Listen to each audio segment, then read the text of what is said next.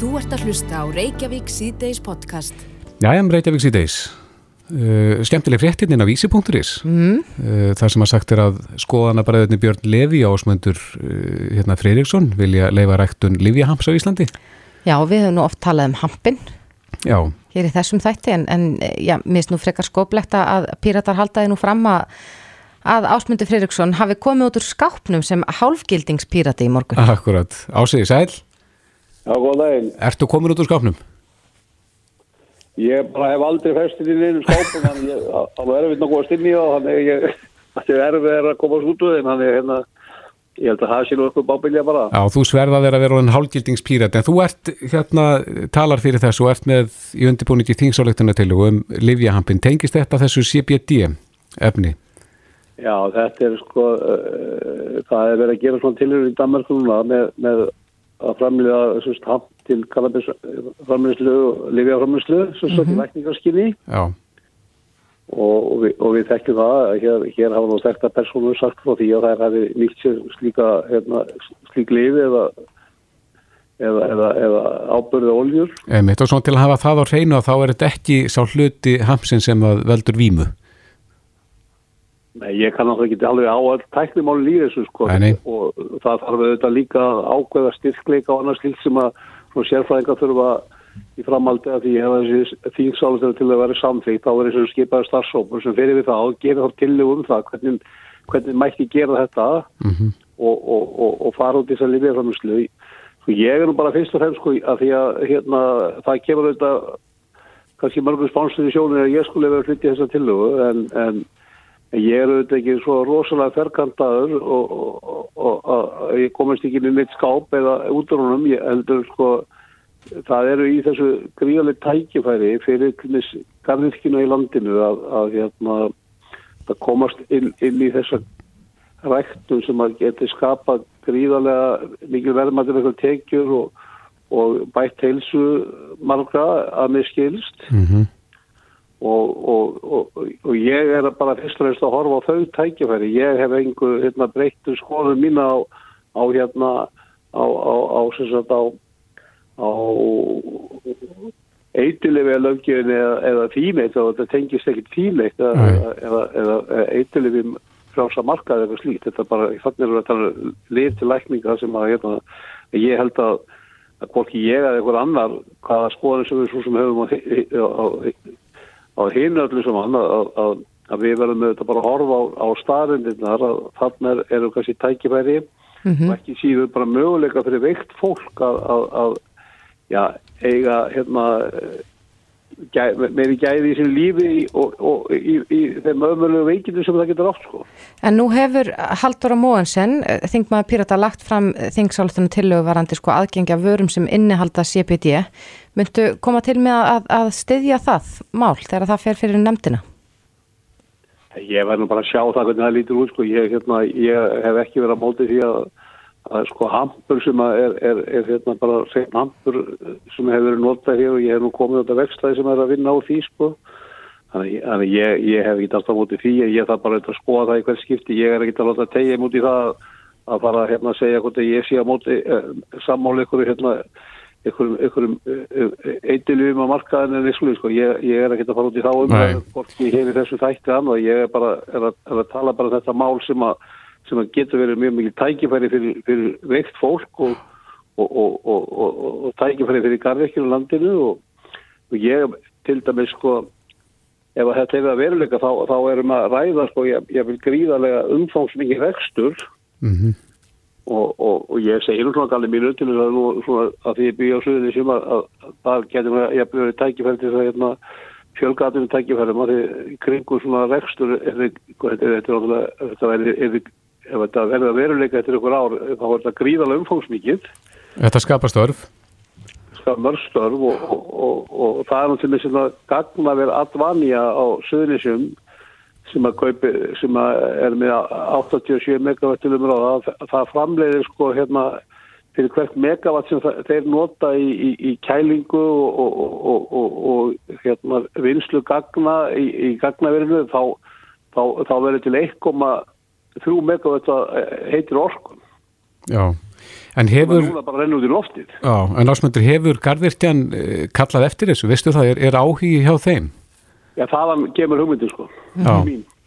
En ef ég skilir rétt, þú vilt setja á, á fót starfshóp sem að, að sko, kannar það og til þess að mögulega verði heimilt fyrir garðyrkjufyrirtæki að uh, geta rækta slíkt. En, en hver er þín skoðun á því að þetta verði síðan nýtt hér innanlands að- að Íslendingar geti notað uh, svona í lækningarskinni? Já, ég er að segja það sko að í sagt, þá, þá er gett ráð fyrir því að, að, að það megi ávísa þessum lifjum í lækningarskinni frá þessu. Þannig ég, sko, ég ger ráð fyrir því að, að þessi hópur myndi þá fara í kjölfarið á dönunum. Við erum, við erum, hvað þessi þingsóldan til það, hún, hún byggir svolítið á því að sem að er verið að gera þar og við munum ef, ef að þetta verður samfitt í þinginu þá þarf við að skipa hann hóp. Og það er hann sem að mun gera tillögur til heilbriðsráðara sem þarf síðan að setja lög um máli þannig að það, er nú, það eru nokkur hérna, lög eftir áður en þetta getur að möguleg að veruleika. Þannig, þannig ég, það má segja bara sko ég er bara eins og tjötnin í gamla daga bara íta litla bátnum frá, frá vör og, og svo þurfum við að sjá bara hvert hann kemst og, og hvort að þetta fellur að, að vilja þingsins og, og þetta ráð þeirra hans þannig að hérna, ertu búin að kanna það á sig, hvernig, hvort það sé stöðningur í þinginu? nei nú sko að því að ekki komið fram sko núna bara, bara næstu viku þá gerir ég ráð fyrir því að að hérna, ég mun leita eftir hérna, meðflutningsmönnum á, á tillöguna og síðan ver- verður hún þá sett inn á, í röðina á dagskrá og, og, og, og vonandi fæ ég að mæla fyrir málinu. Og, og, ná ég að mæla fyrir málinu og, og, og nefnd að taka, taka það fyrir að, að þá þarf þetta nú að ganga ansið rætt fyrir vorið að þetta verði samþyggt og ef þetta verður ekki samþyggt fyrir vorið þá eru hérna, kostninga framundan og, og þá veitum ekki neitt hvað gerist og hérna og þá þarf ég kannski endur ekki máli bara aftur í haust og, og, og, og þá veit ég ekkert hvað landslega er í gangi en, en mér þótti svona eftir að hafa rætt við fórustumenn í, í, í málefnum garðirkjubænda að þá fannst mér hérna áhugavert að, að láta skoða þetta mál og, og, og, og, og ég hef fengið aðstofi það að, að, hérna, að komið sér þennan búning þú heldur þú eigir ekki vísan stöðning pírata í þessu máli? Já, ég hef náttúrulega bara ekkert rætt þetta mál við þá sko, Nei. bara ekki neitt. En rétt eins í lokin, þetta er áhugavert mál ásmundur, en rétt eins í lokin að því að það er náttúrulega mikið verið að ræða um próftjör og, og náttúrulega farið að við erum að sigla inn í, inn í kostninga ár og erum hafin í því, en ert þú búin að taka ákvörðun, allar að gefa kostaður áfram? Já, það var konsumst hérna aðfundi kjörnvarafsins í, í, í Suðurkjöldami, var núna fyrir eitthvað, hvað, og, það líst ég því yfir að, að ég myndi hérna sækjast áfram eftir öðru sæti en það eru þetta kjósenda í Suðurkjöldami síðan ákveða það. Já, og, og, og ég auðvitað hlíti fyrir neðstöðu en, en, en bara ég auðvitað fer út af þennan völl með, með bara góða vonir og, og hérna uh, og hlaka til að fá að hérna að glíma í, að ýmsuslöfu fyrir, fyrir hérna fyrir landið og mitt kjöldæmi ég er bara hef haft mikla á með því Já.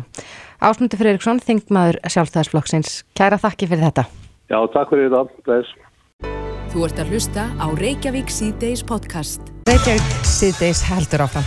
Í, í máli Þórólfs, Þórólfs Guðnasonar í dag, mm -hmm. sóttarnalæknis á upplýsingafundi almannavarna, kom fram að talsvert hefur borðað því að fólk sé að afþakka bólusetningu með bóluefni AstraZeneca. já, Eh, Sko bæða á þeim grunna að sé ekki jafn, jafn virt og önnur bóluefni en líka vegna þess að fólk telur að aukaverkanir af bóluefni AstraZeneca séu meiri en af hinum bóluefninum sem er í bóði hér. já, það er spurning hvort að fréttaflutningur valdi þessum óta Já. fólks. Akkurat, við töluðum aðeins um það hér fyrir vikunni að, að það er svona hafa komið vandamál í Evrópu út af þessu, Já. til dæmis í Þýskalandi þar sem að fjölmarkir hafa neita bólusetningu með AstraZeneca út af þessum aukaverkunum. Já.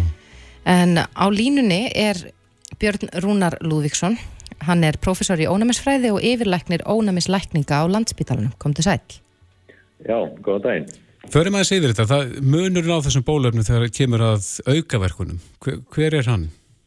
Sko, uh, fyrir það fyrsta þá er sko virkni þessara bólefna alveg öruglega jafn góð þegar allt verður skoða þannig að, að það ég held að það, fólk verður bara að muna eftir því mm -hmm. Þegar að kemur að sko tíma aukaverkana þá er það ekkert sem hefur ennþá sínt sig að það sé einhver munur margtæku munur á algengi aukaverkana eftir þessa, þessi bólefni það Við vitum að það er einhver hluti sem að er að fá svona vægar aukaverkanir sérstaklega eftir fyrir bólusetninguna.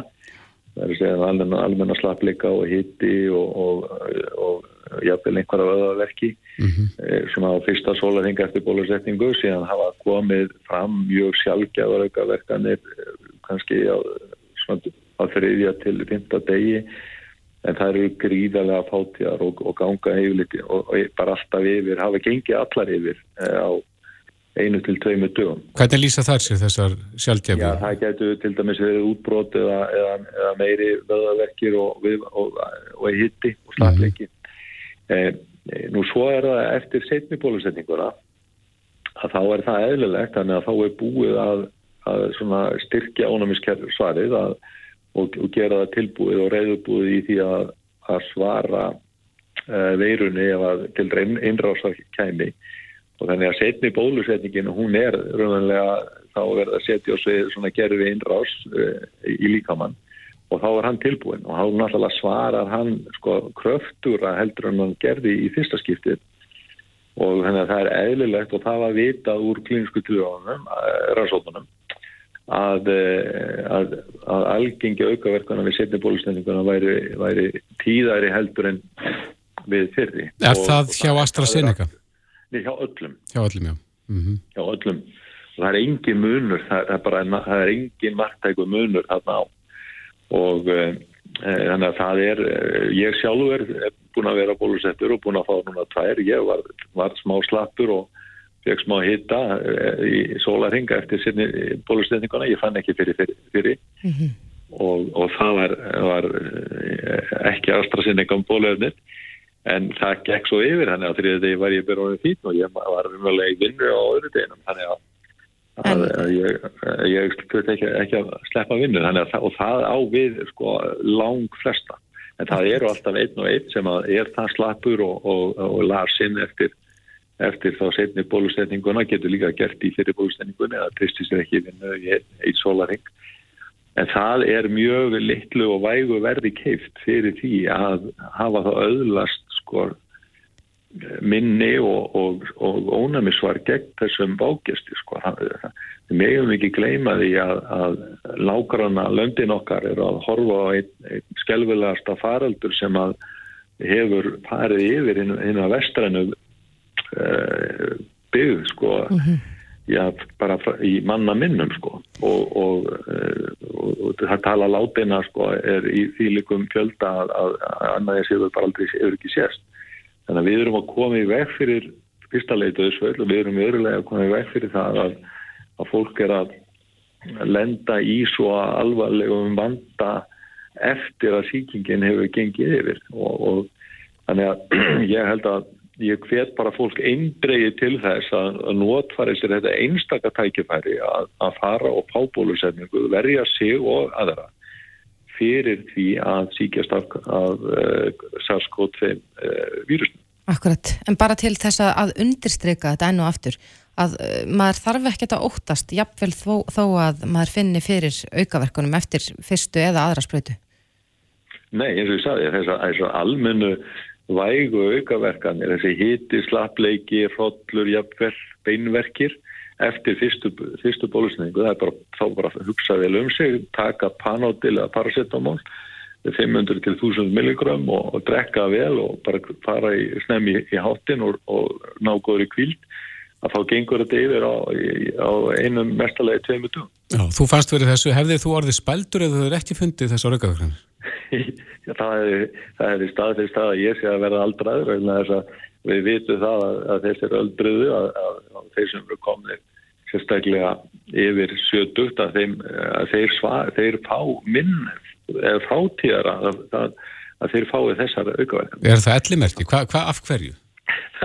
það er góð spurning. Það er örgulega það sem er nú sko frábært með, þetta, með þessi bólefni og, og það er niðurstöðu sem núna líka fyrir er að þau er að gefa mjög góða börn hjá sko 65 ára og eldri. Mm -hmm. Það hefur við til dæmis ekki séð ja, skýrum hætti með önnu bólefni.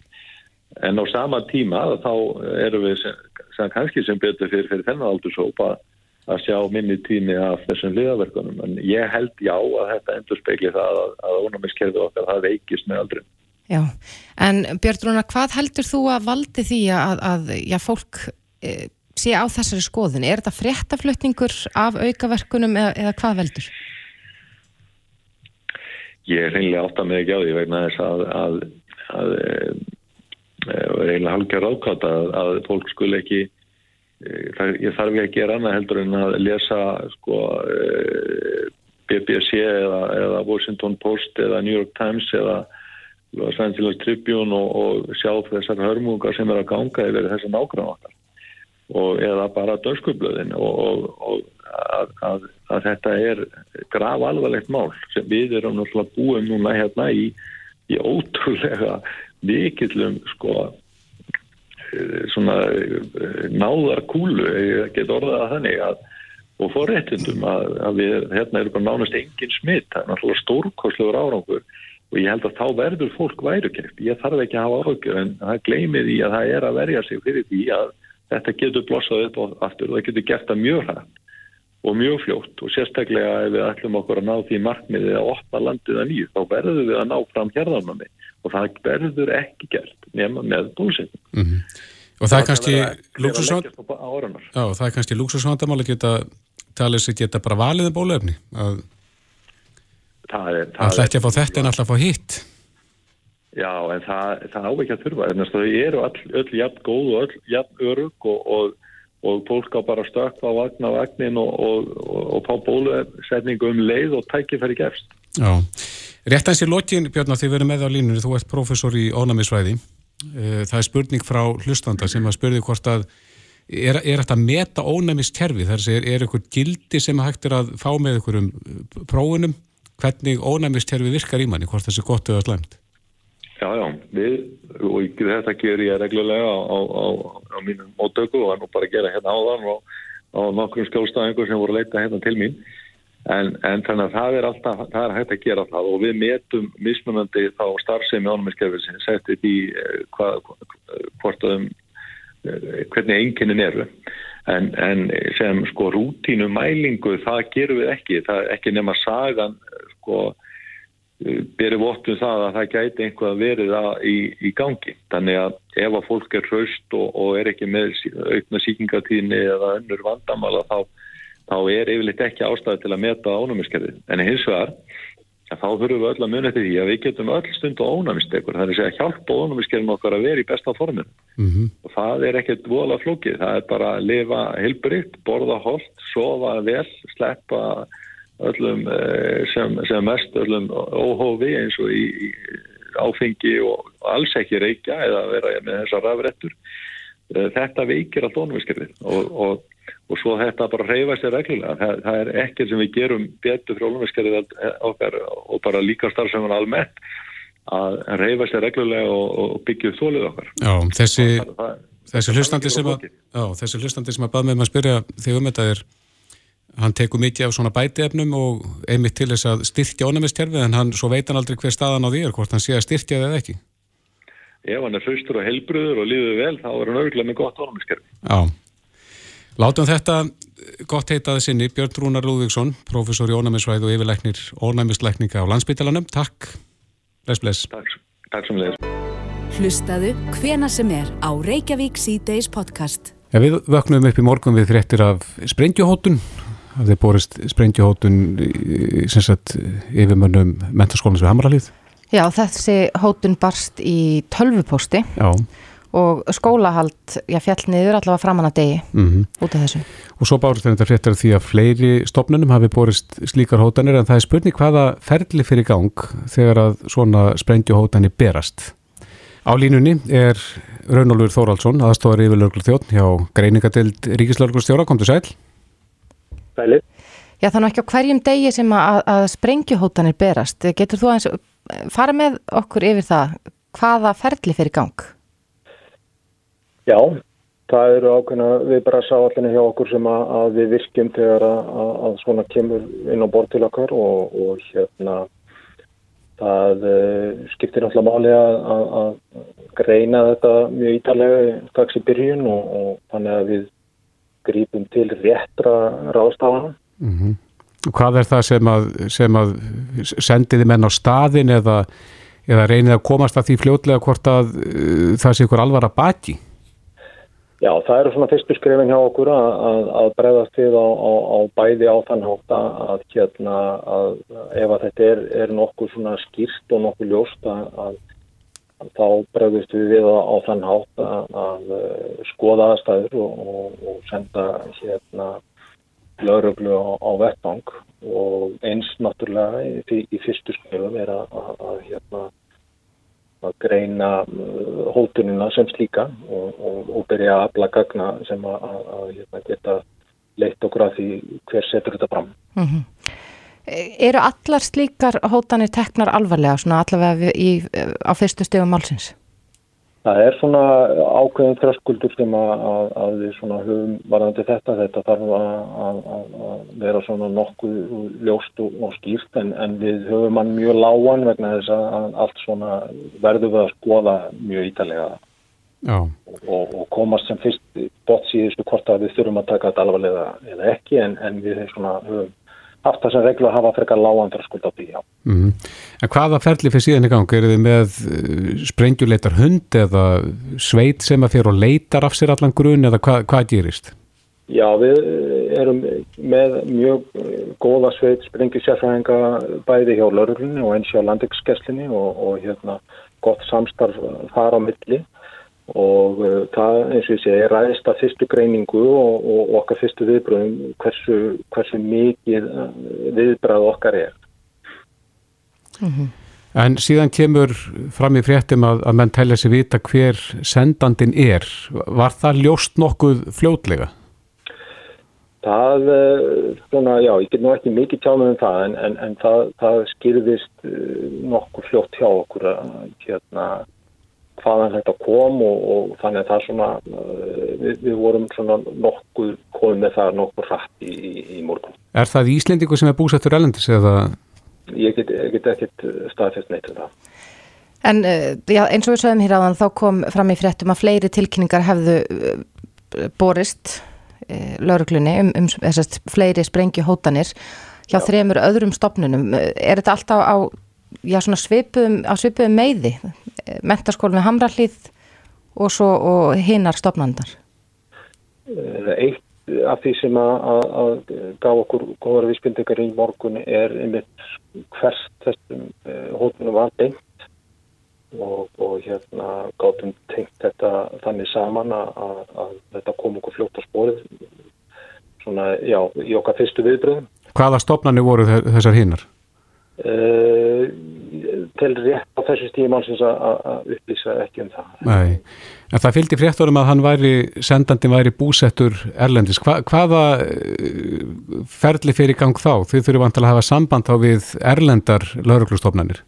Já, já, við, við erum komin í, í samband við, við erlendar lauruglustofnanir í, í þessu máli. Og er búið að handtaka eitthvað vegna málsins? Nei. Nei.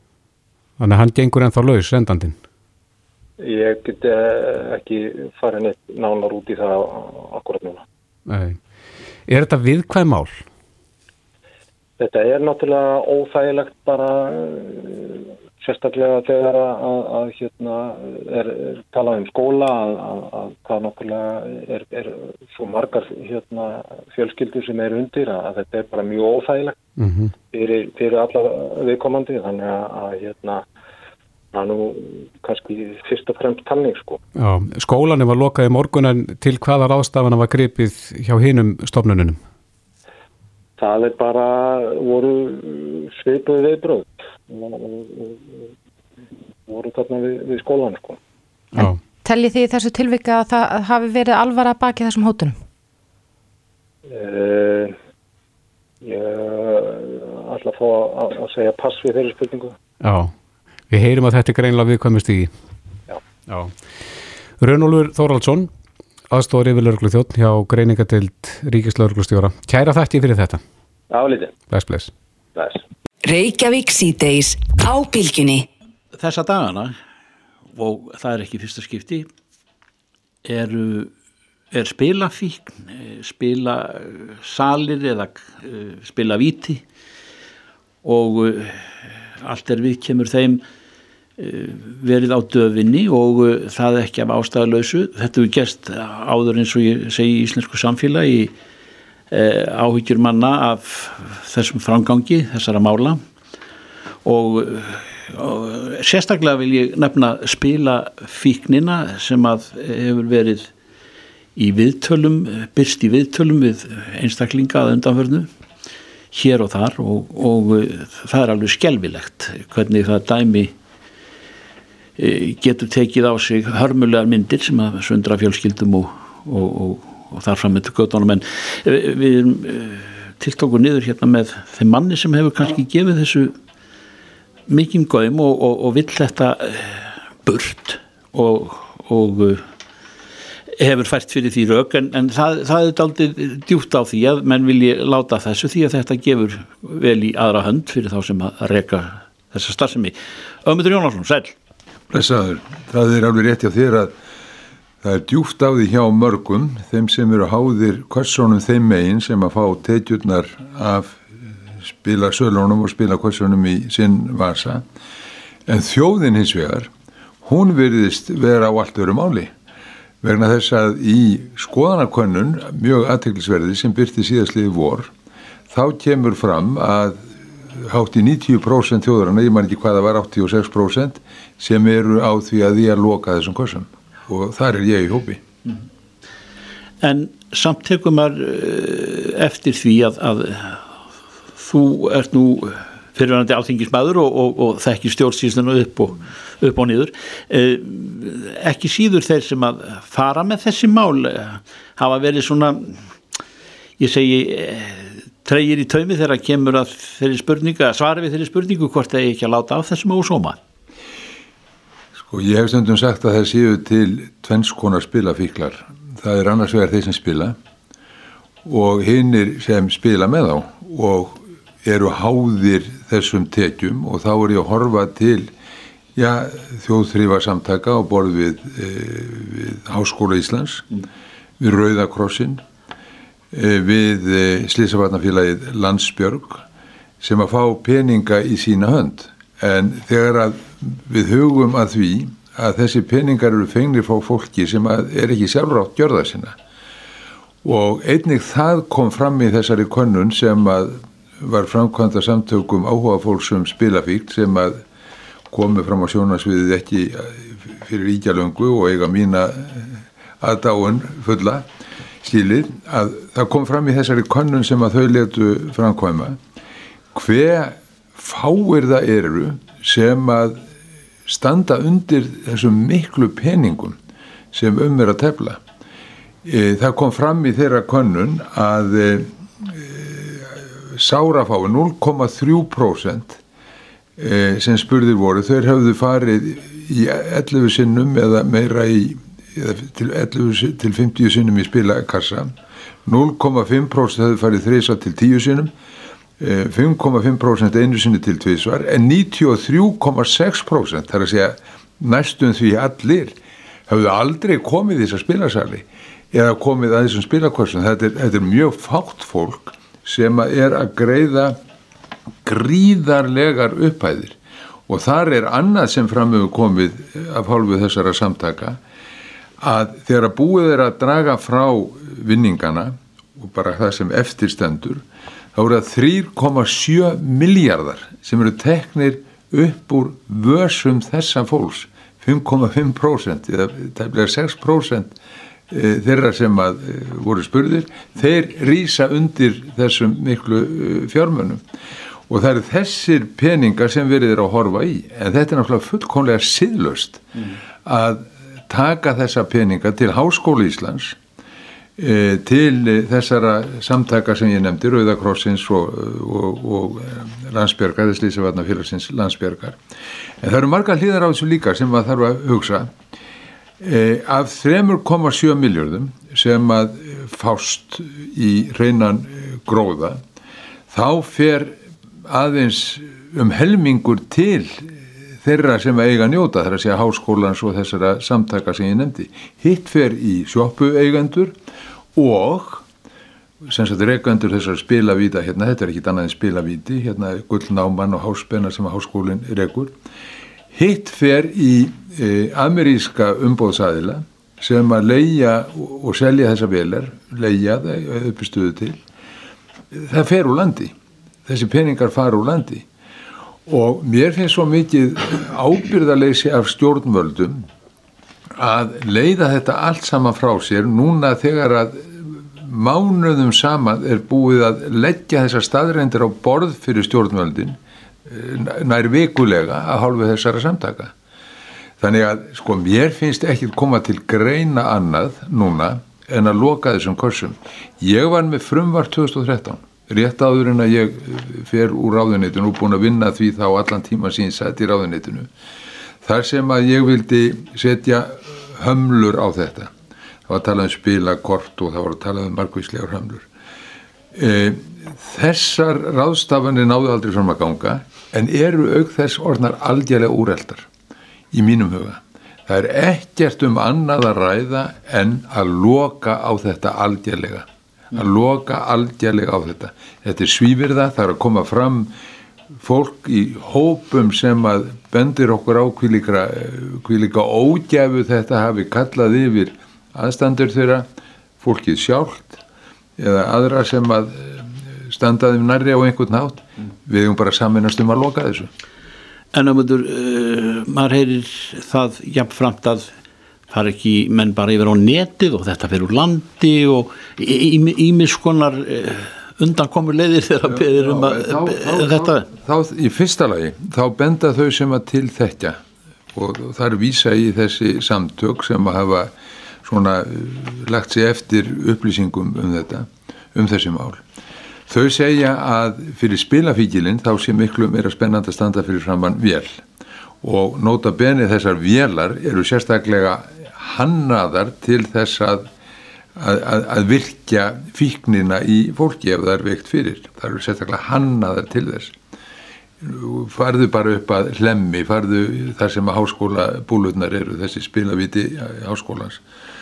E, þá sérðu hvernig verið er að reyna að kalla fólki til og spilafíklarnir segja þetta er miklu meiri sagt, fíkn, þetta er miklu meiri köllun til okkar, ákall til okkar mm. heldur en nokkuð tíma netið. Mm. þannig að þau segja að uppistöðu til þá eh, veljimenn og spila fíklarnir eru fyrir framann kassana. Þannig að það er eitt. Hitt er líka vandamál, það er alveg rétt. Eh, nettspilunin eh, er líka vandamál og, og aðrar þjóðir hafa verið að glíma við þetta, norðmenn til dæmis. Mm. hafa sett þá hömlur á það. Líka þetta er hægt að stoppa ef að ábyrgir aðilar ef að, ef að þeir sem bera ábyrgina koma að málinu og axla sína ábyrg og þá er þetta um banka og þá sem að færa peninga á milli. Þannig er líka hægt að setja hömlur. Þetta var normen við reyna að gera og fyrsta skrefið sem við höfum að taka er að ákveða að við ætlum að taka á þessu. Mm. Svo ákveðin hefur ekki verið tekin í stjórntjörfunni hér. Nei. Og það bólar ekki á því núna um, þegar maður Já þegar gengið hefur verið á, á ráðamenn og, og, já, og bara fyrirtæki og, og stopnannir sem að, sem að komast í snertingu við þetta með einu með öðrum hætti, jákaði með og aðalega neikvæðum segir. Um, e, það er samt sem áður, það vantar, ég er sammála því að þetta skuli afmáður í íslensku samfélagi, er loka fyrir þetta en það svar, svarfæst ekki og þar með ekki neitt markmið. Já, það er, það er alveg rétt og við munum eftir æfintýrunu um litlu gulluhænuna. Hún vildi eh, baka brauð og fá aðstóð til þess. En svo sagði hundurinn ekki ég og götturinn sagði ekki ég. Og allir sem að hænan leitaði til sögðu ekki ég en allir vildi fá að borða kökunum og njóta góðs. Og þetta er góðs af, af bakstyrjunum en, en þetta er að gerast hérna hjá okkur líka að e, mentamálur á þeirran sem að háskólinn heyrur undir segir ekki ég þeirran sem að e, veitir leifin segir ekki ég segir jáfnvel e, við getum ekki lækna spilafík með með lögum. Jú, en við getum örfað spileffekt líka með lögum. Og það eru lög sem að leifa þennan óþreifnað hér í þjóðfélaginu Forsættisráð þegar hann var spurður á netinu e, um afstöðu sína kausað svara frekar ekkurju til um, um enska boltan sem einni var spurt um. Allir segja ekki ég en þjóðin hún hefur sagt ég. Hún hefur sagt við viljum láta loka þessu. Það var, eindregin og afdráttarlaus niðurstaði í skoðanakonun sem framkvæmt var síðastlið vor og var byrt í öllum fjölumöðnum þjóðin vill láta loka þessum kursum og það hefur að gera Ömmundur Jónasson, takk Takk að þið fyrir Þetta er Reykjavík C-Days podcast. Reykjavík C-Days, uh, það byrstist frétt uh, inn á vísi.is sem að fjallar um það að erlendar konur í ábeldi sambandum er ekki meðvitaðar um þau úrræði sem að þeim stendur til bóða. Mm -hmm. En aldingt er að ábeldismenninni nýti sér þekkingalessi þeirra og fullir þið að þeim verði vísað úr landi ef það leiti sér aðstofar. Akkurat. Þetta kemur í ljós og hvenna aðhverju leta síðast ári vinna skýslu um stöðu erlendra hvenna og hún er eh, sorgleg þar er að hvað þessar hluti var það sérstaklega. En það er spurning og nú vantarlega fer bróðu parturinn af þessum konum í gegnum útlendingastofnun á, á samskipti við útlendingastofnun þessu ferli að komast til hansins. Akkurat. Og það er spurning hvort að útlendingastofnun gæti þá sint þessu hlutverki að fræða þessa konur um uh, réttindi sín. Já, það eru þetta í, í verkarhengi, ég held að, að það sé nú svona hluta ferlinn þegar fólk fer í gegnum, um, gegnum það að, að fá hér dvalarleifu og slíkt, ímsar upplýsingar sem að þarf að koma til skila. En um, mögulega þetta ekki hluta af því? Nei, en uh, Þorstin Gunnarsson, uh, sviðstjóri hjá útlendingarstofnunir á línu, kom til sæl. Komið sæl. Já, hvað segir um þetta? Er þetta ekki eitthvað sem að útlendingarstofni geti tekið að sér? Það er að segja áður en að uh, þessar konu fá dvalarlefi hér að, að það sé bara farið yfir það hvaða réttindi það er hafa hér á landi? Já, sko, fyrsturinn segja að við höfum kynnt okkur þessar skýstu og niðurstöðunar eru náttúrulega sláandi og, hérna, og kallar á einhvers konar viðbröð, það er alveg ljóst mm -hmm. og við höfum verið að skoða, skoða hvað við getum gert Já. En fyrstur er kannski svona að benda á að það er alls ekkit algilt að allir útlendingar komi í gernum útlendingastofnum. Eh, þannig er náttúrulega líka verið að tala um einstaklingar sem að koma frá ríkjum innan Európa-samhansins mm -hmm. og sem að fara það til þjóðskraf og svo eru fleiri snertifötur til dæmis við félagstjónustur uh, og síslumenn. Mm -hmm. En hver væri svona, er einhver staður og, sem er sameiglur með öllum þeim sem hinga að koma? Er það þá félagsstjónustan fyrst að það er ekki útlendingastofnun? Það er það bara hefðst flugvöldurinn sko, eða út í það færið. Mm -hmm. En ég held þess að vera sko, við þurfum að horfa þetta lausna með það og, og velta fyrir okkur hvað við getum gert þess að ná til fólks. Og það er alltaf spurning á hvaða dímapunkti við getum verið að ná til fólks og hvernig við erum að gera það, hvaða upplýsingar við erum að láta á mismöndi tímapunktum og við höfum gert það hjá okkur til dæmis í gernum eh, umsóknarferðli fyrir þá sem sækjum alþjóðlega vegt. Þá við með þessi kjölfara þessari skýslu í samræðu við lörgluna sem að vinna þeim mál með okkur reynd að bæta þeir úr upplýsingargjöf til eh, hérna, þeirra hvernig skoma þarinn mm -hmm. og en svo er hins vegar umsóknarferðli fyrir tvalalegi er fyrir dörfisi. Það er stundum oft inni bara á pappir og, og hérna fólk kemur kannski til okkar fyrir að koma til landsins og þá í myndatökum En það sjáum við fyrir okkur að það séu vissulega möguleikar en það kallar kannski á samráð líka á samstarf millir þessara stofnunum sem er í snertingu við, við innflytjendur og þá akkur það geta beinti minn á rétta staði til dæmis eins og hjá fjölmungarsettri e, þessari nýstofnu ráðgjáðstofu fyrir innflytjendur mm -hmm. og oft er það þannig að það er betra að fá þessari upplýsingar frá óháðum aðila. Það er stundum erfitt að vera stjórnfald eins og við þeirri stöðu að við erum að höndla leifamálviðkomandi og það er ekki alltaf víst að fólk treysti okkur eða því sem við setjum fram og þess vegna mikilvægt að sé einhver, ein, einhver einn punktur sem að fólk er að benda fólki á upplýsa svona stuttlega réttindin og svona þessar grunnreglur í Íslands samfélags að, að hér er enginn að þurfa að sæta ofbeldi eða misnótkun mm -hmm. og það má helst ekki glema því að þetta varðar ekkit bara eins og við lítum á það uh, konur að verðum upplýðum sem er innflytjendur, þetta eru bara alla innflytjendur. Það geta allir átt að hætta að setja einhvers konar nýsnótkun verið það í launalögu samhengi eða, eða ofbeldi eða öðru og þá er mikilvægt að fólk treystir sig til að leita til stjórnvalda eða eitthvað aðeins til að fá ráðgjöf.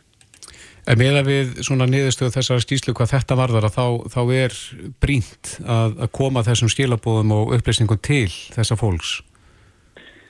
Já, maður myndi lesa það út úr þessari niðurstöðu að það sé, sé gríðilega mikilvægt og það er sláand að sjá ummæli í þessari skýslu til dæmis sem kannski lýsa kannski best þessum menningamund það sem að einn viðmælandi segir að, að ef að lögurglunni í heimalandi hefur verið viðmælstíð á lögurglunni á Íslandi að þá hefur við komið verið fyrir löngum og leita til lögurglunni mm -hmm. og þetta eru náttúrulega skilabóð sem er ekkert bara undir hætti útlendingastofnunar eða þjóðskarvar eða, eða stofnunar, heldur snýst þetta svolítið að því hvernig við sem samfélag tökum móti innflytjundum og tryggjum það að þeir, þeir viti og, og að þeir getur leita sér aðstofar ef eitthvað bjátar á. En þú segir að þið lítið þetta alvarlegum augum, var að setja alvarleg stílapóð sem koma fram þarna í þessari stíslu og, og er þið byrjuð að, að vinna að einhverjum úrbótum? Já, eins og við höfum þegar byrjað að, að í samræðu lögurkluna að vinna með þá sem kom inn á og verður að sækja mannfjöla verð og við erum svona undirbú okkur og, og það verður þéttar og þéttar að samræða vonum við með hverju deginum til dæmis eh, þessari ráðgjáðstofu flytinda mm -hmm. og, og fjölmenningarsettri og svo hefur lengi verið ekki hvernig ráðgjáð uh, undir hætti mannundurskastofu Íslands En þú, segir, á, en þú segir þá stefna að það er ekki allir sem að koma hinga og setja stað sem að fara í gegn hjá ykkur.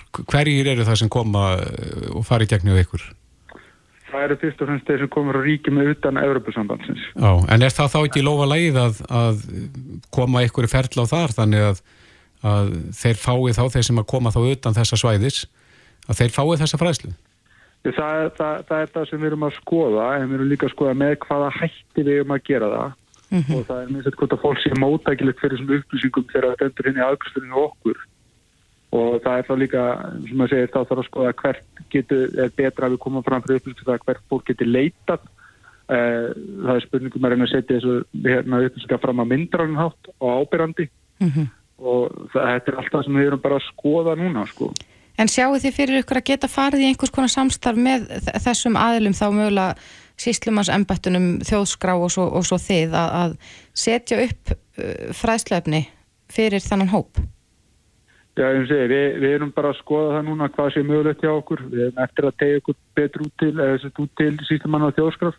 Mm -hmm. En það sem að væri náttúrulega æskilegast er það að þetta sé bara einn upplýsingapakki sem sé unnin fyrir, fyrir alla og sé þá aðgengilegu til dæmis uh, hjá þessum ráðgjáðastöðum umflýtunda fjölmynningarsetri og fjölmynningarsetri notabene hefur í mörg ár unni mjög gott upplýsingarni til innflýtunda mm -hmm. og inn á heimasíðinu mma.com sem að, hérna, hefur verið mjög gott og við höfum oft dreift einn bæklingum við höfum líka þegar við erum með fólki í viðtölum hjá okkur þá hefur dreift upplýsingum um hverna atkvarfið og fleiri staði en það er ekki víst að það sé vanlegast til árangus og útlendingastofnum fara að kalla inn alla kvenkins umsækjatur um dvaðlegu í Íslandi til þess að fara yfir þessa rætti með þeim. Hafið þið verið í einhverju sambandi við hverna atkvarfið eftir að þessi skýsla kom út? Eh, nei, reyndar ekki við hverna atkvarfið við lásum bara skýsluna og, og hérna og byrjum að horfa bara í okkar einrann hvað, hvað er sem við getum bætt úr okkar meginn frá. Já. en við bara treystum á það að það eftir að koma einhverjar goða lausnir út úr, út úr þessu skýrslu en það er mjög aðtiklisvægt Akkurat. Þorstein Gunnarsson sviðstöru hjá útlíkastofnun Kæra þakki fyrir þetta. Takk fyrir það. Reykjavík síðdeis á Bilginni podcast. Við upplöfum jarðhræringar miklar á, Reykjanesi þessar sólarhingana en, en e, það er svo sem ekkert nýtt en þetta er óvinni kröftugt og, og menn svona kannski ekki alveg alveg kannski eins og rólegir oft, oft áður yfir, yfir þessu öllu saman en, en e, og ég vil verða að spá gósi en og þó ekki, þetta er svona mjög mjög e, tvíbendar ástæðu nefndar fyrir þessu og hinnu í, í þessu þetta þekkir jarðeðlisfræðingurinn og, og þingmaðurinn Ari Trösti Guðmundsson, heil og sæl. Kvöndur sæl og bless, gaman að sjá þig. Sömmulegðis, hvernig líst þér á, eða hvað viltu segja um, um jarðfræðingar á Reykjanesi þetta skiptið, ef ég tala svona síðustu, um síðustu áratíi?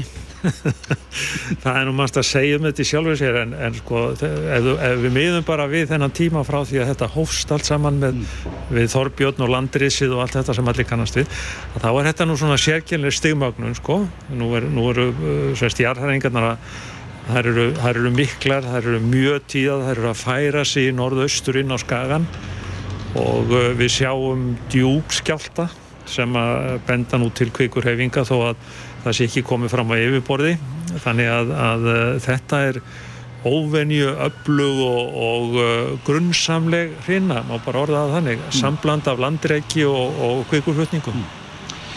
Er jarðæðinsfæðingurinn Ari Trösti að segja mér að það sé kannski von á gósi? Ég segi aldrei að sé von á gósi, það er kannski hægt á gósi en aðalmán er nú kannski það að, að, að við vitum ekki nákvæmlega uh, hvernig aðdragandi verður að þessu sinni fremur en áður mm. en það sem við vitum er það að þessi, þessi endur tekna ringrás, mm. elgosa og, og langra umbrótar hérna mm. hefur þennan komutíma -hmm sem er svona meðaltal í kringum 800 ár. Mm. Það passa náttúrulega við síðustu hreinu sem að endaði á í kringum 1240. Mm. Þannig að þetta gæti sjálfur sér verið upphafið að svona uh, tímabili sem að gæti staðið í ára tugi jáfnvel uh, og þetta voru jáfnvel þrjára aldir síðast sko, sem, að, sem að það sem að þetta var að færa sig á milli eldstöðakerfa sem eru sem eru í stórundaráttum fjögur á Reykjaneskaganum mm. þannig að, að, að eh, þetta gæti gæsti á, á, á næstu dögum, vikum, mánuðum, árum að, að það eriði kemur sprungugos á Reykjaneskaganum e, í, í svona óráleika í, í jarðskorpunni að undan far, farin ár e, finnst þér svona menn hafa vanist því að Já, hér eru menn að hér eru menn að gera við sprungur í, í gangstjættum Það er ekki hérskjöld En ef við, færum okkur aðeins hérna Já, ég e, finnst þér svona í ljósi tíður að fregna má segja kannski af, af svona einhverju hreyfingum, hreyfingum í, í, í allskorpun hér á Íslandi. Hafið framkallað svona vissa varðgakvart þessu, menn segja já þetta er nokkri kipir og, og svo það er langt í gós Nei, sko auðvitað er það eðlileg viðbröð að menn uh, svona já, býta á jæslum og segja já, já, við erum vönd þess og svo framvegis En uh, sko það er náttúrulega allt sem að, að bendir til þess að, að, að það er ekki bara, bara, er ekki bara þessi hluti Íslands. Mm. Það eru nokkrar uh, stórar eldstöðar sem við erum búin að tala um, Bárðabunga, Kalla, Hekla, mm. mm. Grímsvötn og svo framvegs. Þannig að ég held að menn séu almennt séð mjög vel undir það búnir. Bæði almannavarnir, uh, kerfið okkar, veðustofi kerfið og, og, og það allt saman, mm. rannsóknirnar að það er þá frekar að að eh, fólk eh, búi sig undir það svona andlega að, að þurfa, þurfa að þóla svona kárinu sko. En, en, en ég hef ekki ekki upplifað neina værið. Nei, nei.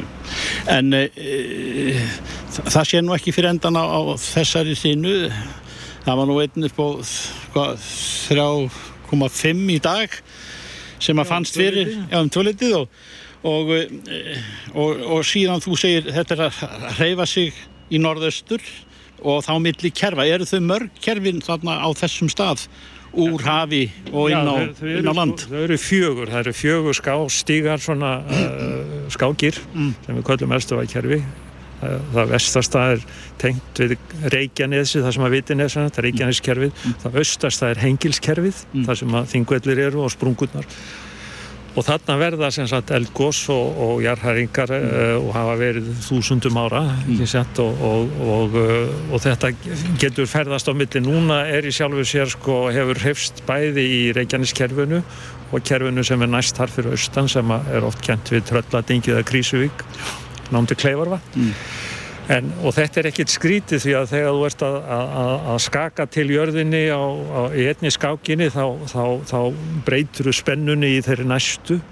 Og það sem er kannski núna uh, svolítið vekur óróa á vissan hátt það er það að, að bæði hafa sko söðurnaskjáltarnir 2000 og 2008 auki spennu sunnavest á Reykjanesinu við skulum segja Bláfjöllum, Brennistensfjöldum og þar og svo núna þessi reyna sem að kemur úr hinni áttinni, við getum orðað það þannig Þannig að þarna er orðið töluvert stórt landsvæði, hálendið á þessum, þessum slóðum frá Kleifarvatni og, og, og svona út undir Ölfus. Mm. Það sem að gætu komið skjálta sem eru þá tölvert stærri en þá sem við upplýðum núna. Sá stóri var 5,7 við erum að tala um eitthvað yfir 6, mm. skilru, og hálft stig á þessum stærðarkvarða er 5-földun á aflinu. Heilt stig er 30-földun rúmlega á aflinu. Þannig að, að, að það er verulegu munur á 5,7 og 6,3 eða 6,5 en þannig skjáltar hafa komið þarna á 20. öldinni, til dæmis 1929 mm. Og þeir myndu hafa tölverið áhrif hérna niður á, á, á höfuborgarsvæðinu. Mm. Er það ótvírætt eða öllu heldur er það allsendis óvís hvort að þetta sé, þetta sé spennulósun eða, eða fylgir þessu kviku reyfingar? Já, það, það gerir það. Fylgdi þessu náttúrulega kviku reyfing nú þegar þetta byrjaði, landrisi við, við Þorbjörn og það var landrið út á Reykjanesi líka og uh, núna það þarf, það þarf myndir svona gerfinöttum, ratar myndir sem þú þarfst að bera saman Uh, til þess að sjá þetta eða þú ætlar ekki að fara með mælitæki á staðin mm. og það er svo sem hefur ekki menn hafi ekki eftir árum til að, að fá þessar myndur og bera það saman.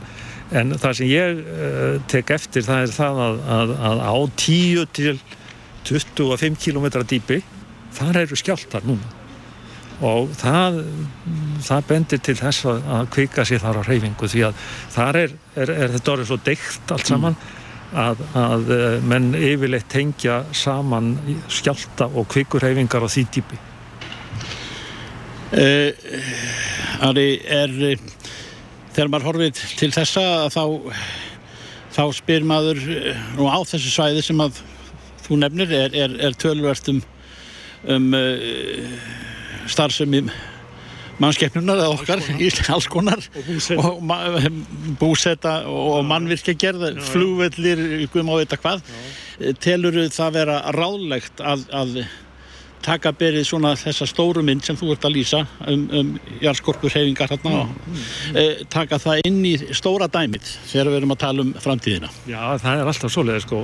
Nú er Keflavíkur fröðu til dæmis, hann er ekki hann er ekki í hættu, af því að hann liggur upp á minnuseðinni þannig séð en, en til dæmis það gæti verið að, að, að væri búið til flugöllur í, í, í uh, rauninu, Gassarrauninu eða eitthvað svo les, mm. eða einhvers þar er nánt, þannig gæti verið, en svo eru almennt séð, þar eru þetta byggð uh, á rauni, nýlegu rauni uh, álverið er á nýlegu rauni uh, það eru vegir, það eru línur og svo framvís en það er nú einfallega þannig að ef þú ætlar að vera með mannlega virkni á Reykjaneskaðanum þá er þetta mjög víða í ákveðinu hættu á þessum stóra tímaskala sem við erum að tala um. En, en eh, ég held að menn hafi nú uh, séð fyrir því á, mörgum sviðum og svo er, svo er þetta viðvörunarkerfin alltaf til staðar. Uh, þannig að þetta er bara sama gamla tuggan. Við búum hér og erum að lifa með því Kæra þakki fyrir þetta áður í hverði þú ert að þú ert að ljúka starfum á þingi eða, eða þú ert nú á bólakafi í, í norðurslóðamálum, veit ég? Ég er á bólakafi í ótalmálum, umhverfismálum, orkumálum, nýsköpun, atvinnumálum, norðurslóðamálum og svo framvegs. Já, ég ætla ekki að bjóða mig fram í haust. Ég ætla, ég ætla bara að sinna skemmtilegum störfum, þó að þingstörfum séu skemmtileg, þá eru annur störf skemmtileg líka ég ætla að gera svolítið eins og þú var svona að minka við mig og, og, og, en ég er ekki að fara að pakka saman á nætt máta sko. og hef mína bækur og mína sjónvastætti og mína ráðgjöf og ég tala nú ekki um fjallaferði sem ég hef ekki komist mikið í því að þingstörfin eru svo tímafreg en, eh, en eh, ég þann nú að segja að þér svona bara í trúna að, að það er líka eftir sjá að, að góðum útvarsmönnum svo ég segi nú ekki meira. Það er dröftið, takk fyrir þetta og ögnið vel Reykjavík síðdeis á Bilginni podcast Við ætlum að vinda okkur aðeins niður á Þing. Já. í dag var sérstök umræða um stöðu sjúkraþjálfara og talmeinafræðinga Já. á þinginu en, en það, máls hefjandi þar var Hanna Katrín Freiriksson og, og til ansvara var helbriðsráþara. Já, þessir hópar hafa verið mjög ósáttir og hafa kvartað undan samskiptum við sjúkratryggingar mm -hmm. og sérstaklega þá fórstjóran þar og, og hafa svona fundi fyrir uh, áhugaleysi og sambandsleysi. Já, nú er þessar nýju reglu sem við höfum nú sagt frá áður að, að þeir nýju útskrifaðir sjúkraþjálfarar þurfa að starfa í lengri tíma, ég er nokkið algjörlega með það fyrir fram mig. Tvö ár, jú. Áður en að þau geta komist á, á svona samning hjá sjúkartryggingum. Já. Uh, og það er talað um að þetta bara skerði verulega sko atvinnufrælsi ný útskrifara sjúkarþjálfara og, og, og þetta bytni eða helst á sko landsbyðinni. Já, sem er að reyna að fá fólk til starfa Akkurat. og nýja sjúkarþjálfara. En uh, Hanna Katrín fyrir Eriksson varpaði þessari spurningu til heilbriðis ráð þeirra í dag og Hanna Katrín er á línu, kom til sæl. Komið í sæl. Ja, hvaða svör fegstu? Þau voru nú ekkit sérstaklega mikil. Þetta voru góðar umræður Uh, mér þótti ráð þeirra svo litið fastur í formsatsum í, í útskýringum á samningaferðli uh, sjúkratrygginga Ísland sem er undirstofnir aðunetið og sérum kaupa helbiðistónustu og einstakar samningsaðila. Um, og það má vel vera að það séu einhverjum nökrar og við höfum vissilega ekkert farið varlut af þeirri umræðu þeim umkvörstunum samlýsaðali garð uh, sjúkratrygginga. Mm -hmm. uh, það hefur verið í fjölmjölum það breyti því náttúrulega ekki neitt að ábyrðin á þessari stöðu hún liggur korski hjá sjúkratryggingum í Íslands í samlýsaðali þeirra, hún liggur náttúrulega bara hjá heldriði síðuvöldi hjá Ríkistöfn Íslands mm -hmm. uh, anleggingin af þessu ástandi er svo að það sannast upp bygglistar í mjög víða í kerfinu sem að, sem að sem að bygglista vöxt sem á rekja til þessa ástand að menn eru það ekki að tala saman. Og, og ég hef einhvern veginn á tilfinningunni að, að það skorti töluvert á einhverja einhverja leiðbenningar frá kaupanda þjónustuna sem sannanlega er, er stjórnvöld. Þar að segja hvernig þau vilja sjá þetta. Um, nú eða þá það verið ein, einfalla þessi staða er þeirra óska staða vegna þess að fráttir er að við áttum okkur öll á neikvæðum afleggingum bygglista mm -hmm. uh, þegar kemur að þjónustu við fólk annars vegar og síðan neikvæða áhrif þetta hefur á bara framþróun í þessum fagstættu sem umræði nýliðun og tækifæri til framþróunaði starfi þá, þá likur það fyrir að hér er fyrst og fremst um að ræða aðila sem ekki starfa hjá ríkisverknumstofnunum heldur eru sjálfstætt starfandi. En sko Hanna Katrin, þið hafi verið með já, svona opna fundi að undanförnu þið hjá viðreist og þar sem, sem bara bera heitið útrýmum bygglistum. Er þið einhverju nær því að, útrýma þeim? Við höfum frá upphafi þessa kjörtímabils þegar fór að bera á því að, að það var leint og ljóst markmið að minnstakosti markmið helbriðis ráð þeirra og, og, og með samþykki þá stuðniki ríkistöðnarinnar að breyta þessu svona jafnvægi sem verið hefur hér lengi viðlöðandi þar að segja að þér séu satt og samlindi starfandi staman annars að ríkistöðna helbriðistofnarnir og síðan sjálfstætt starfandi aðeilar sem að var lengi talið svona cirka friðunga helbriðiskerfin okkar. Og við höfum bett á þetta ítrekað að þetta muni skapa þessa hættu sem er að raungerast núna og það er ég ekki, við höfum verið með núna tvo svona opna hérna þætti eða svona segja, streymi, þar sem við fengið til okkar góða gesti sem eru þá fórsvarsfólk þessara, þessara hagsmunafélaga, það eru samtök sjúkrafjálfara, samtök palmunafræðinga, það eru samtök fyrirtæki velferðarþjónustu, þar sem að sjúkrunarheimilin eru meðal annars undir, það eru sálfræðingar og, og, og svona má áfram telja. Og síðan fengið eiginlega svona raunsög og fólk sem bóstalega hefur lett í kerfinu af þessum ástæðu um, og núna er svo komið og er ástæðan fyrir því að ég bað um þessa sérstöku umræðu um málefnum talmeinafræðing og sjúkrafallara að þetta er líka farið að koma verur að niður á uh, ungu fólki í námi sem er að klára sitt nám og síðan landsbyðvinni en það líkur fyrir, við erum ekki með ríkisefna helbiðstofnanir í hverju meinasta bæi út af landi. Þar hafa samfélagin reitt sig á stofur sjálfstakт starfandi fræðinga.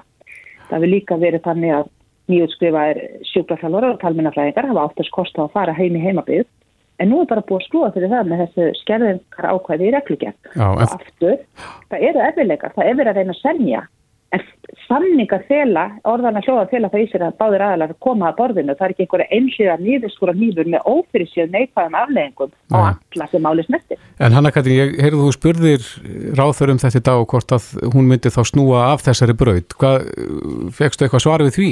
Á þetta bara standa svona? Ég þetta á að standa, ég skil það ekki öðruvísi. Uh, mér heyrðist reyndar í talmennafæðingunum, þetta er, er, er keimlist og það er aðeins munur. Það er verið að, að- að skoða einhverja möguleika, svo ég skil þetta rétt, þetta var svolítið uh, fljótaskrift á, á umræðinu, hvað það varðar en það er verið eitthvað að, skoða hvort að talmennafæðing nýjútskrifaðir getur unni hjá öðrum talmennafæðingum en ekki bara á, á stofnunum. Um, en með sjúkraþjálfara, það sem er miklu fleiri, uh, þetta er stærðist í ett margfalt, Mm um, þar er engin, engin uh, viljið til breytingar, nei. Þa- Þetta- þa- þetta- þannig að- svona, mér. þannig að þeir sem eru nýjútskrifaði sjúkarþjálfara, þeir hafa engan annan kost en að fara að vinna hjá ríkinu. Já, sko, það, og það er náttúrulega eins og svo gott. Ríkið er ekkert með starf fyrir alla þess aðeina. Hefur ekki verið. En hvað Það er gera þá, þá þe- þeir aðilar sem eru nýjútskrifaður og, og eh, já, fá ekki starf hjá ríkinu? Og komast ekki að samning hjá sjúkartrygging. Það er frábær spurning, sko. Í fyrsta lagi, þá bara svo við aðeins bökkum, það er ráningastopp hjá landspítala, uh, mögulega er það einhverja mannaðastöður, en er einhver síður það er, er ráningastopp þar. Síðan eru það ymsar ríkisvegna helbyrstofnuna út á landi, það eru ekkit endilega með sjúkraþjálfari í 100% eða 80% stöðugildi eins og krafan er, heldur hefur þetta getna verið þannig að nýjútstuða sjúkra, sjúkraþjálfara hafa verið kannski 50% starfi þar og svo í 50% á, á annars konar sjúkraþjónustu. Uh, vegna þess að þetta er alls ekkert sama þjónusta og nú er búið að skjóta setja loku fyrir það. Um, ég veit að sjúkraþjálfara sem er á loka ári sem að fyrir hönd félaga sinna skrifaði breyð til ráðunættisins og lísti yfir áhugjum núna, örfám vikum heili í útskrift og svarið var bara þetta stæði, þau ætti enga kröfur á eh, einu en einu á hálfu helbriðsíðuvalda en þeim var vissulega bett á það að það er ekki verið að taka þau réttin til að starfa sem sjúkraþjálfarar, þau geta opna sína stofu, þau fá bara ekki eða sjúklingar þeirra fá bara ekki niðugreita þeirra þjónustu eins og við almennt fáum þau fyrir til sjúkraþjálfara. Er þetta aðför, er þetta aðför að engar reikinni þjónustu sjúkarþjálfara? Að meðan faglega rauk rikki ekki fyrir, þá er engin leið að túlka það öðruvísi. En hvaða liggja bara- fyrir? Þú baðst um nú að fá að heyra hver rökin að baki þessu væri. Fjekkstu skýr svör við því? Ég fekk þau ekki nákvæmlega skýr en svo í lokin var talað um að jú, jú, ég meina það kostar pening þjónustan og ef það, á að vinna á þessu bygglistum þá þýðir það að frekarið fjármakt þarf að leita fangar en málið er bara það að það er búið það sem aðeins þessu kjöldtímabili að hliðra fjármagninu úr þessum hlutum yfir í þann ríkisverkna og þá liggur þetta svona fyrir. Um, nei, rökin liggja ekki önnur fyrir. Og þegar maður leggur þetta sama við aðrar aðgerðir þá, þá bara fær maður út uh, sína fjóra þegar tveir og tveir eru lagðið saman. Já. en vonandi vonandi er þetta uh, eitt skrifið þá átt að menn skilji heilbriðið og ríkistjóðin skilji þann funga sem er í þessari umræðu. Akkurat, já, við vonum það líka. Já, og ég, ég vona að það verið niðurstæðan það var nú bísna inn tóna umræðin af hálfu þing, fulltrúa þingflokka í þingin í dag. Já. Hanna Katrín Fredriksson, þingmaður viðrestnar. Kæra þakki fyrir þetta. Takk sem leiðis. Þetta er Reykjavík C-Days podcast.